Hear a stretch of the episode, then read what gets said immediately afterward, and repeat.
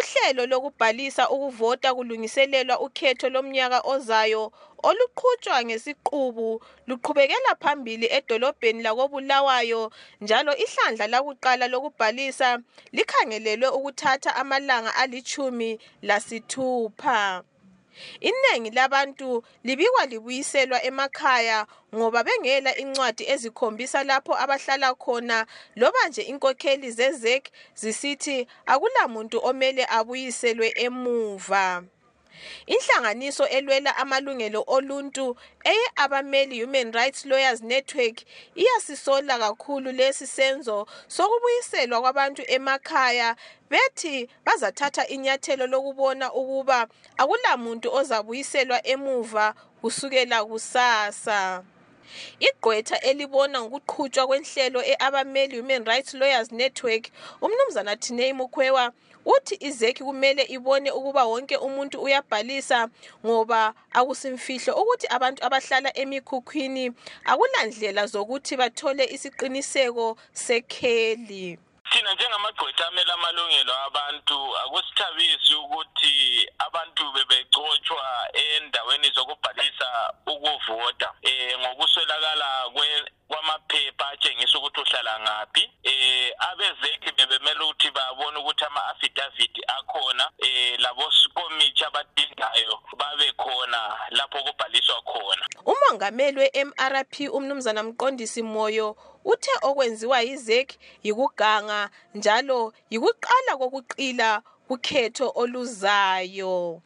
Sithi kuyikuganga lokho okwenziwa yizekhi ngoba okokuqala abantu labana okwenza behlale kuma-squatter camps ukuthi babangelwe nguhulumende wezimbabwe onganakekeli abantu babo.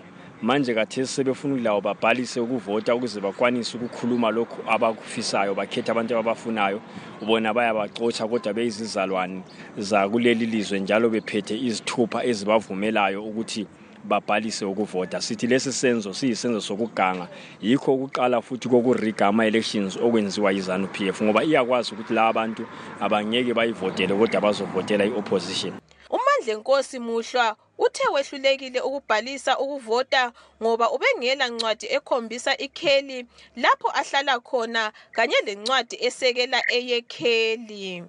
Eh ngibuyile ngifuna ukuzorejista so ngehlulekile ngenxa yokuthi bengilesithupha ngingela phepha lamanzi. Le affidavit.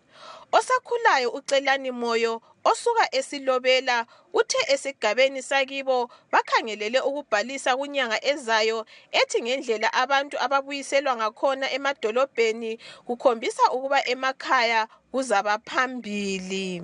Eh ngikhulumela ebantwini besilobela kuthiwa bayafika ngonovember. So if kuyikuthi kuzabe kuzaba lama-challenges abe ezalungisiswa sikhathi bani njengoba ukurejista kuthiwa kuphelwa ngonovember. Olwela amalungelo oluntu umnumzana mbuso fuzwayo uthe kulusizi ukuthi izek ibuyisela abantu emuva ngoba ayifuni abantu ukuba bayevota.